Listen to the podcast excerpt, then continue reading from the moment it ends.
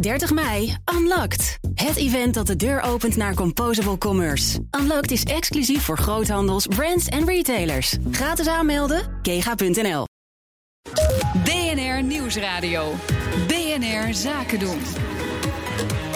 Thomas van Zeil. In Italië is eigenlijk nu al duidelijk dat de begrotingsafspraken met Brussel onhaalbaar zijn. En de gesprekken zouden goed gaan. Maar wat een mogelijke handelsdeal tussen de Verenigde Staten en China zou inhouden, blijft een beetje vaag als die deal er al komt.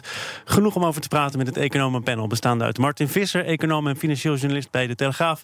Barbara Baarsma, directievoorzitter van Rabobank Amsterdam en hoogleraar marktwerking en mededingingseconomie aan de Universiteit van Amsterdam.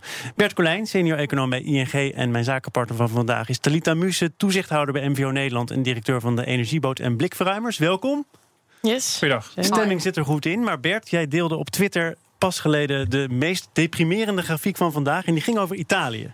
Ja, de, de Italiaanse industriële productie uh, in december uh, fors gedaald. Uh, en dat brengt het terug tot het laagste niveau, of tot beneden het laagste niveau dat in de jaren negentig zelfs gezien hebben.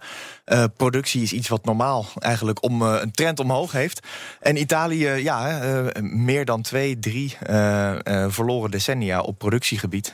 zorgwekkend. Ja, en dat komt dan bovenop de feiten die we al wisten van Italië. Namelijk dat er de afgelopen twee kwartalen sprake was van krimp. En daarmee dan dus ook technisch gezien van een recessie. Voor dit jaar zijn de groeiverwachtingen weer verder naar beneden bijgesteld. Barbara, wat is er daar aan de hand? Nou, Italië is eigenlijk uh, ja, geen arm land. Hè. Het, is, zit misschien net iets onder het gemiddelde als het gaat om het gemiddeld uh, BBP per capita. Het is ook helemaal niet een land dat uh, van oudsher een, zwakke economie heeft of, of zelfs een zwakke groei. Het is gewoon decennia lang ongelooflijk zwak bestuurd met heel veel instabiliteit. En ik geloof dat de doorlooptijd van een gemiddeld kabinet de afgelopen twee, drie decennia minder dan een jaar was. Dus het, kabinet, of het, het land leidt onder slecht bestuur. Natuurlijk zitten er ook wel een aantal structurele problemen. Maar wat je nu ziet is dat die, die, die structureel achterblijvende groei. Uh, ja, die komt vooral door dat hele zwakke bestuur. Ook nu weer is er een regering die beleid opzet. wat gewoon die economie niet verder gaat helpen. alleen maar dieper in de ellende brengt. Dat zie je omdat nou, het afgelopen derde kwartaal was er al iets van uh, een tiende procent krimp. Het, uh, het, vierde kwartaal kwam daar nog een tiende procent bij. Dus twee tiende procent krimp. Een schuld die 130 procent van het BBP is. En knellende afspraken met de Europese Commissie. die alleen maar haalbaar zijn als er gegroeid wordt. En uh, ja, daar gaat het nu over. Gaat ze die, ze mogen dan een begrotingstekort van, wat is het, 2,04 procent of zo hebben. Maar dat gaat er wel vanuit dat er een groei moet zijn van, wat zal het zijn, uh, 0,6, 0,7 procent volgend jaar.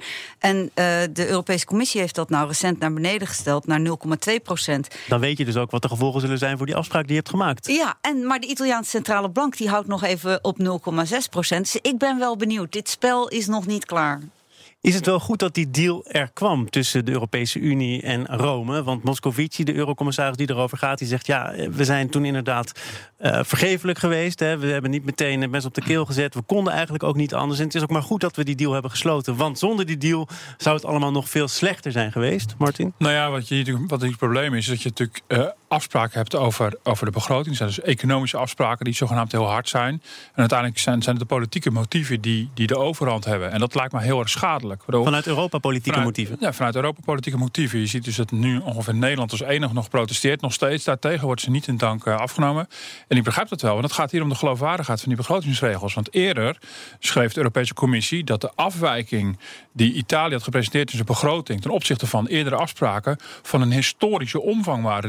De, Europese Commissie heeft het zelf eerst heel zwaar aangezet. Dat, ja, iedereen zegt nu van ja, maar Frankrijk die, die, die houdt zich ook niet aan de regels. Dat was inderdaad mijn volgende punt Precies, maar de, maar, de, maar de mate waarin Italië van plan was om dat niet te gaan doen... was zo ongekend groot. En als je dan vervolgens ja, een beetje met millimeterwerk opschuiven al, al akkoord gaat... Ja, dat vind ik niet heel erg geloofwaardig. Uh, ik snap ook wel dat, dat, dat, het alternatief is dat je frontaal gaat botsen op de Italiaanse regering. Maar ik denk dat je als Europese Commissie ook de hoeder moet zijn van deze regels. Want bij, bij wie zijn die regels anders nog veilig? Nou, ik deel dat wel, eerlijk gezegd. Uh, ik vind het ook. Uh, Italië is echt het probleemkind van, uh, van, van de eurozone, zou je eigenlijk kunnen zeggen. En dat is ook omdat het blootlegt waar de zwakte van die eurozone zit. Want pakken we het heel hard aan, dan zou het zomaar eens een echte ruzie kunnen worden. En je, wil, je kan als Italië uh, echt ruzie in de eurozone krijgt, ja, dat wil je niet. Maar wat dus, is een echte ruzie in de nou, eurozone? Ja, Want je, de afgelopen maanden, hè, zeker eind vorig jaar, leek het toch ook een echte ruzie tussen nee, maar Rome en Brussel? je moet een boete gaan opleggen omdat ze begrotingsregels overtreden. Dan wordt het sentiment in Italië, wat toch al niet pro Europees is. Ik vind het te anti-Europees, want Europa is veel beter voor Italië dan uh, wel eens een keer daar wordt toegelicht. Um, maar dan, dan, dan zet je daar de boel op scherp en krijgen dit soort rare partijen als nu aan de macht zijn, of raar in de zin van irrationele uh, partijen, krijgen daar gewoon uh, de overhand. En dat is dus, je wil ook als Europese Commissie, en in dat, alleen in dat opzicht kan ik enige meevoelen met de opstelling van de Europese Commissie. Dat ze proberen niet water op het vuur te gooien. En, dus is er een deal geweest die misschien te makkelijk tot stand kwam. Of in ieder geval niet streng genoeg was richting Italië. Bert, deel jij die opvatting? Eh, nou ja, het is natuurlijk ook wel zo. Hè. Het, het, sentiment wat daarin speelt is natuurlijk wel ook. Er zit ook vanuit Italië zit er ook een hoop wanhoop in de partijen die nu gekozen zijn. Hè. Een radicaal andere koers, omdat het economisch gezien al nu een aantal decennia echt slecht gaat. Ook hè, door het bestuur wat er eerder gezeten heeft. Dit lijkt ook wederom hier niet de oplossing te zijn waar Italië sterker van gaat Maar je bedoelt een koers die uitgaat van een basisinkomen, van andere pensioenregels? Dat is natuurlijk inderdaad precies de koers die eigenlijk niet ingegaan zou moeten worden. Je zou zeggen, de investeringen in infrastructuur, investeringen in het onderwijssysteem, dat zijn dingen waar je in Italië veel meer direct aan zou hebben. Dat is niet het geval. En, uh... ja, dat is als je al wil investeren. Maar uh, ze hebben vooralsnog, uh, moeten ze ook bezuinigen. Dus uh, daar, daar, is, daar is überhaupt geen plan voor. De investeringsplannen kunnen we nog wel, denk ik, kunnen ze zelf misschien ook nog wel bedenken. Nou, gaat er dan bezuinigd worden? Want dat wordt ook geen populaire maatregel die dan die, die regering moet gaan nemen. Terwijl er beloftes zijn gemaakt die uitgaan van inderdaad dat basisinkomen van een ander pensioen. Als je nu hard moet gaan bezuinigen, hoe doen nee, we maar, dat dan? Maar gewoon alleen al de, de, de, de, de arbeidsmarkt. Sterk verouderd. Uh, inderdaad, je hebt helemaal gelijk. Onderwijs en infrastructuur zijn ook. Maar dat kost heel veel geld. Terwijl arbeidsmarkt hervormen kan je op zich ja, enigszins meer middels al nodig zijn. Maar dat kan je, hè, dat kan je gewoon doen als een. Als een uh, kostenneutrale hervorming. En ik denk dat daar ook eerst naar gezocht moet worden. Want hervormingen die, waar de kost voor de baat uitgaat, en die zie ik hoor bij onderwijs. Die, ja, die, laat ze eerst maar even uh, wat basale dingen in de economie op orde krijgen voordat je weer kan gaan investeren. Ja, misschien wel, maar tegelijkertijd is het ook zo dat Italië heeft die groei zo vreselijk hard nodig. Ze hebben natuurlijk de afgelopen tijd. Eh, we hebben het gevoel dat de Italianen alleen maar uitgeven en uitgeven. Maar ze hebben, als je voor de rente corrigeert, hebben ze hun begroting eigenlijk keurig in de plus gehad al die jaren. Waarin die economie het steeds uh, maar matiger bleef doen eigenlijk. Dus het is natuurlijk zeker zo dat als we die kostenneutrale hervorming kunnen doen, dat staat natuurlijk sowieso, moet dat hoog op de agenda staan. Maar tegelijkertijd zou je zeggen in een economie die zo broos is, zoals we nu zien, die eigenlijk bijna zonder aanleiding ineens in recessie zit, omdat er wat moeilijkheden met de regering zijn geweest, wat de mhm. onzekerheid aanbakkert. Um, ja, die investeringen zouden eigenlijk wel nodig zijn, maar dan wel in de juiste dingen. Geen, geen uitgaven die uiteindelijk niet structureel Wat zouden daar voorbeelden van kunnen zijn? Van maatregelen en investeringen die wel bijdragen aan die structurele problemen? Uh, ja, nou ja, Hè, als je dus kijkt naar bijvoorbeeld infrastructuur in Italië, zeker na die, uh, het instorten van die brug in Genua, zou je zeggen dat daar politiek en toch ook vanuit Brussel wel de wil zou moeten zijn van hè, laat daar dan in, in geïnvesteerd ja, daar worden. de Europese Unie overigens bijna de schuld van, hè?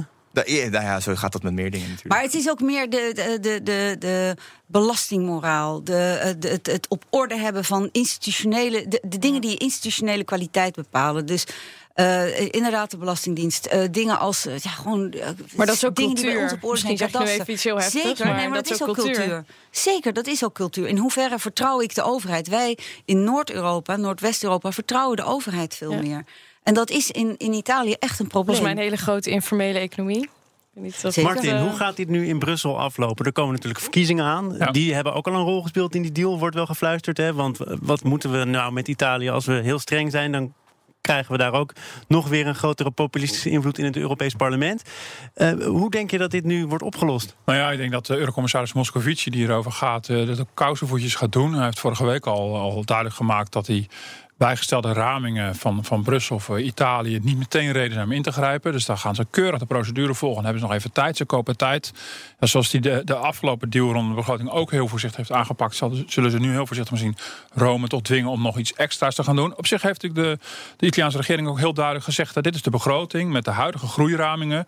En als die groei beneden een bepaald pijl zakt, dan moeten we ingrijpen. Alleen ja, Rome is nu al bezig om die, om die voorspellingen ehm, te bestrijden. Dus intern ook een conflict ja, met, de bank, in, met de centrale bank. De centrale bank is nog zelfs wat rooskleuriger in Italië dan de Europese Commissie. Dus dat wordt alweer bestreden. Dus ja, dan, uh, dan valt op een zeker moment ook niet meer mee te praten. Dus ja, nu, nu eenmaal Brussel deze, dit heeft ingezet van het heel voorzichtig doen, kan je voor mij niet verder gaan dan, dan proberen om die begroting weer de goede kant op uh, te manoeuvreren. En idealiter de, regering van overtuigen dat je als wisselgeld misschien ook echt iets moet doen aan de structuur van de economie. En niet alleen maar zitten we nog in een ideale situatie, of in ieder geval in de positie dat je daarover kunt nadenken? Want ze zijn er al maandenlang het over bijna alles oneens. Nou ja, dat is wel tamelijk uh, ingewikkeld. En dan moet je ook maar zien hoe ver deze regering uh, gaat komen, overigens intern. Hè. Maar dat is ook maar zeer de vraag. Dus misschien denkt de commissie wel van nou, we zitten onze tijd wel uit. Want van, we weten van de statistiek van Barbara dat het een kwestie van maanden is ze vallen bij wijze van spreken weer. Dus het is ook niet zo dat je hier jaren en jaren mee te maken krijgt. Maar ja, wat dan? Ik bedoel, dit is al een, een wanhoopsregering. Ben ik met Bert ook helemaal eens. De kiezers weten op ook van gekkigheid niet meer naar wie ze toe moeten gaan. Dus dan ontspoort dat ook misschien democratisch wel. Maar dat is ook het moeilijk, omdat je niet weet hoe lang deze regering er nog zit. Zou je misschien, hè, wat jij zegt, Martin, ben ik het helemaal mee eens. Oké, we geven ze nog even uh, een beetje respect. Maar in, in ruil daarvoor vragen we een aantal fundamentele hervormingen. Maar met wie maak ik die afspraak? Zitten die er nog volgend jaar? En dat maakt het zo moeilijk. Maar dat geldt voor elke afspraak die je maakt. Nou, in Duitsland of in Nederland. Nee, weet precies, je maar wel elke afspraak die je met Italië maakt. Jawel, maar dat is, dat is zeker zo. Maar hier met de, hiermee moet je wel afspraken maken, omdat ze zelf niet op dit soort ideeën komen. We gaan het uh, over andere afspraken hebben die door de Tweede Kamer zijn geloodst, namelijk de wet arbeidsmarkt in balans. Gaat dat de arbeidsmarkt verder helpen? Zometeen meer.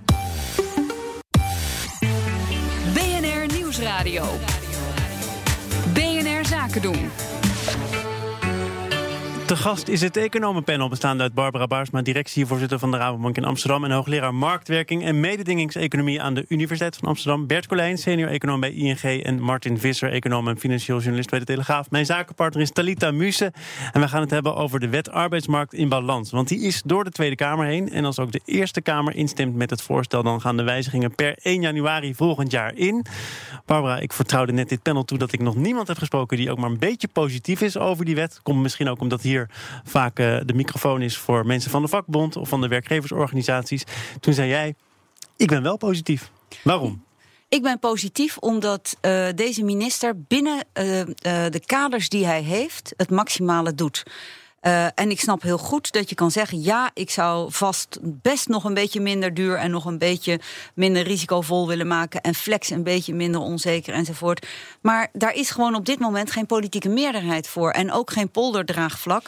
Dus binnen de kaders die er zijn, uh, denk ik dat hij het maximale doet. Ik vond ook wat dat betreft de kritiek van de Raad van State op het wetsvoorstel. Namelijk, er moet een meer fundamentele herziening komen. Dit is niet fundamenteel genoeg te gemakkelijk. In het, tijd, in het huidige tijdsgevricht is dat gewoon helaas zeg ik erbij, niet mogelijk. Maar kun je dan zeggen dat Koolmees een knappe prestatie levert... binnen wat er mogelijk is, maar dat wat er mogelijk is niet zo heel erg veel is? Wat er mogelijk is, is inderdaad niet genoeg. Zo ontbreekt een hele belangrijke categorie in dit uh, wetsvoorstel ZZP'ers, maar ook een leven lang leren. Dat zijn allemaal dingen die onvoldoende zijn uitgewerkt. Maar ja, dan kan je enorm zeggen: het glas is half leeg. Maar hé, hey, er gebeurt ook heel veel goeds. Heel veel dingen waar mensen heel op gemop, allemaal op gemopperd hebben. Ook werkgevers overigens. Die in de wet werk en zekerheid van Ascher zaten. Zoals uh, dat je maar twee jaar lang uh, tijdelijke contracten kon hebben.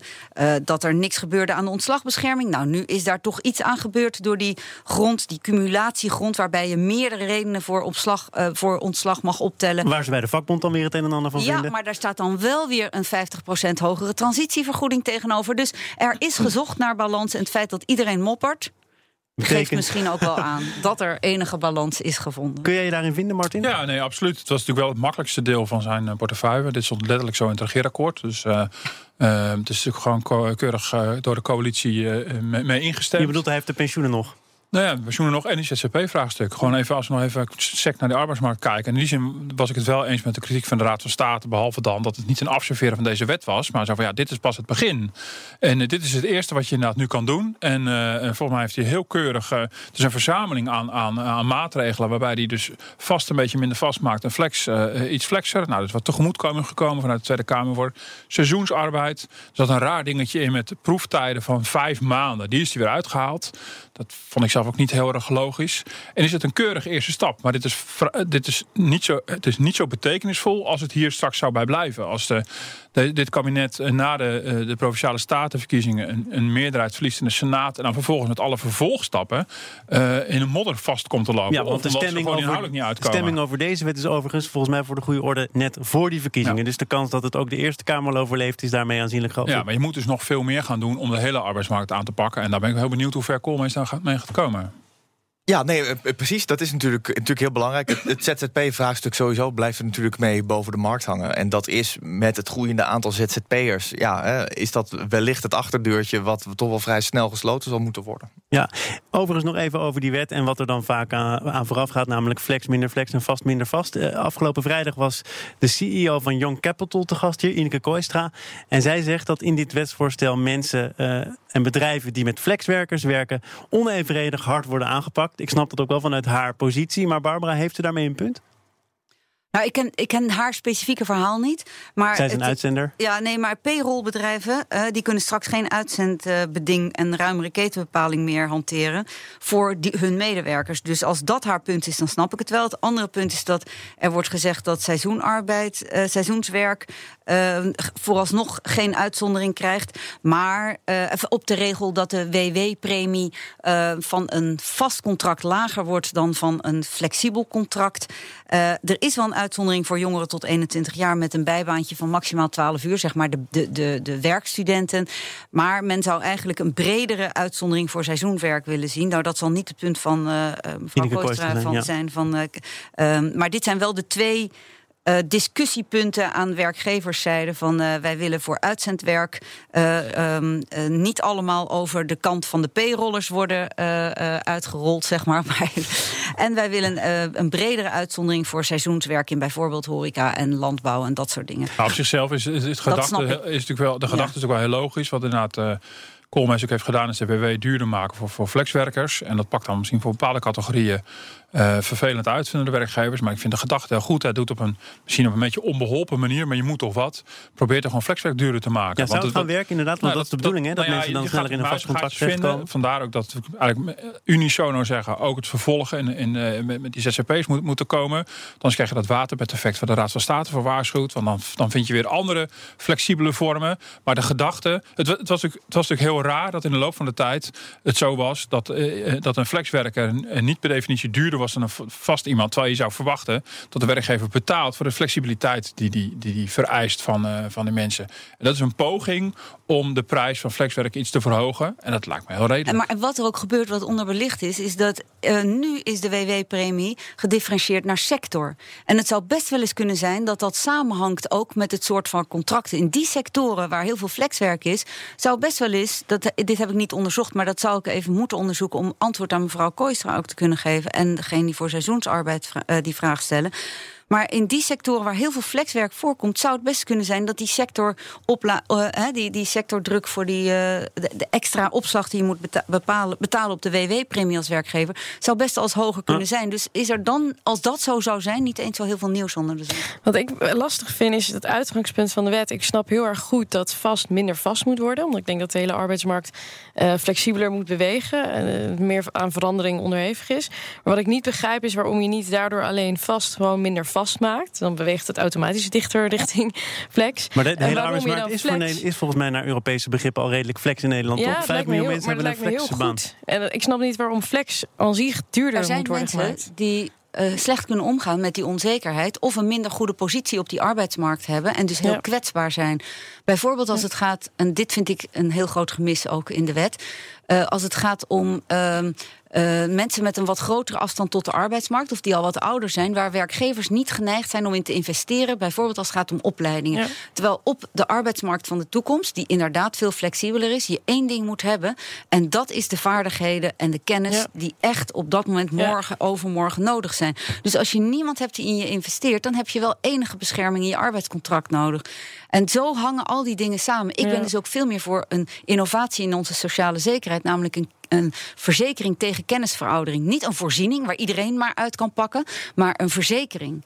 Eh, en alleen als je, eh, doordat je een kennisveroudering hebt, niet aan de bak komt, Ja. kun je eh, aanspraak maken op die verzekering. Ja, dat- zijn me- innovaties die meer passen bij. eh, Precies, wat- want lijkt me wat jij zegt, dat door dat flex, flex dan misschien iets vaster te maken, lijkt me een soort van schijnveiligheid. Want daar zitten niet dit soort zekerheden die jij noemt. Het investeren, het heropleiden. Dat, dat, dat, dat wordt daar dus niet mee gedekt. Dus het is eigenlijk een soort. Nee, maar dat komt omdat dit, hij heeft de speelruimte die hij die, die kan nemen, heeft hij bespeeld, denk ik. In dat opzicht ben ik positief. Ik heb ooit een keer een steen in de Haagse Hofvijver gegooid. Eh, waarbij ik zei: hup, weg vaste contracten. Maar ook weg tijdelijke vaste contracten. Laten we allemaal een vijfjaarscontract hebben. Ja. Dan staat voor iedereen. Hè, dat betekent voor de flexwerkers een aanzienlijke verbetering. En voor de mensen met een vast contract, ja, je zou denken een verslechtering, maar is het dat ook? Want je bent vanaf dag één heb je de prikkel om te investeren in je eh, up-to-date, in, in het actueel houden van je kennis. En heel veel mensen ontbeert nu die prikkel. Martin, tot slot. We hebben ze al eerder genoemd, maar die ZZP'ers. Ik kan me nog herinneren dat ook dit bedrijf zich helemaal ging voorbereiden op de nieuwe wet die zou komen. Nou, Ja. die kwam er ook en die werd vervolgens niet gehandhaafd. Nu moet er volgens mij weer een commissie naar kijken. Hoe komt het toch dat dat voor wie er ook aan het roer zit zo ontzettend moeilijk is? Nou ja, omdat we, omdat we aan de ene kant ehm, heel veel duidelijkheid willen geven. Je wil vrij precies vastleggen, denk ik, eh, wanneer is iets een ZZP eh, en wanneer is het een dienstverband. Maar hoe precies je dat vastlegt, hoe meer bureaucratie en regeltjes je introduceert. Ik denk dat dat een, een, een, deel van het probleem is. En de, de, de oplossing die het kabinet nu kiest, zitten ze gewoon juridisch vooralsnog klem. Ze willen de onderste laag van ZZP'ers eigenlijk automatisch tot een soort vast contract eh, eh, betitelen. En dat, dat, is, dat is juridisch heel lastig of, of dat lukt. Maar ja, weet je, je wil je eigenlijk alle varianten die je bedenkt op, op die wetgeving, die lijken allemaal weer een beetje op elkaar. We willen niet terug naar die oude VAR, wat inmiddels al lang niet meer staat. Staat voor die verklaring arbeidsrelatie, maar voor, eh, voor maar de videoschijf. maar ehm, daar willen we niet naar er terug. naast. Dus Ja, maar eigenlijk, eigenlijk komt het er altijd mee. Als je dingen gaat regelen, dan introduceer je bureaucratie, dan introduceer je formulieren. eh, en, eh, en ja, daar, daar willen we niet meer naar terug. En, eh, ja, je, en, en dat niks regelen, dat wil je dus niet. Want er is een categorie die wil je beschermen. Dus een categorie, die middencategorie, daar wil je wel even goed tegen het licht houden. Is dit wel echt ondernemerschap? Of worden we hier gewoon een beetje be- beduveld? Eh, en dan die bovenste categorie, daar, die wil je vrij laten. En hoe je dat precies regelt, met zo min mogelijk gedoe en bureaucratie, dat is tamelijk ingewikkeld. Heel kort nog, Bert. Ja, dat is, dat is ontzettend lastig. Maar de groep is, is groot en wordt steeds groter. Middencategorie en ondercategorie Moet met wel. platformen. Ja. Je moet wel. De, de technologie werkt er naartoe om het een steeds grotere achterdeur te maken. Bert Colijn, senior-econoom bij ING. Martin Visser, econoom en financieel journalist bij De Telegraaf. En Barbara Baarsma, directievoorzitter van Rabobank Amsterdam... hoogleraar marktwerking en mededingingseconomie aan de UvA. Dank voor jullie komst. Jullie waren vandaag het economenpanel. Tot de volgende keer. En ook dank aan Talita Muus, mijn zakenpartner van vandaag. Morgen dan is er weer een uitzending van BNR Zaken doen. En dan is de gast de CEO van Weekamp, Piet Koelewij. Tot morgen. 30 mei, Unlocked. Het event dat de deur opent naar Composable Commerce. Unlocked is exclusief voor groothandels, brands en retailers. Gratis aanmelden, kega.nl.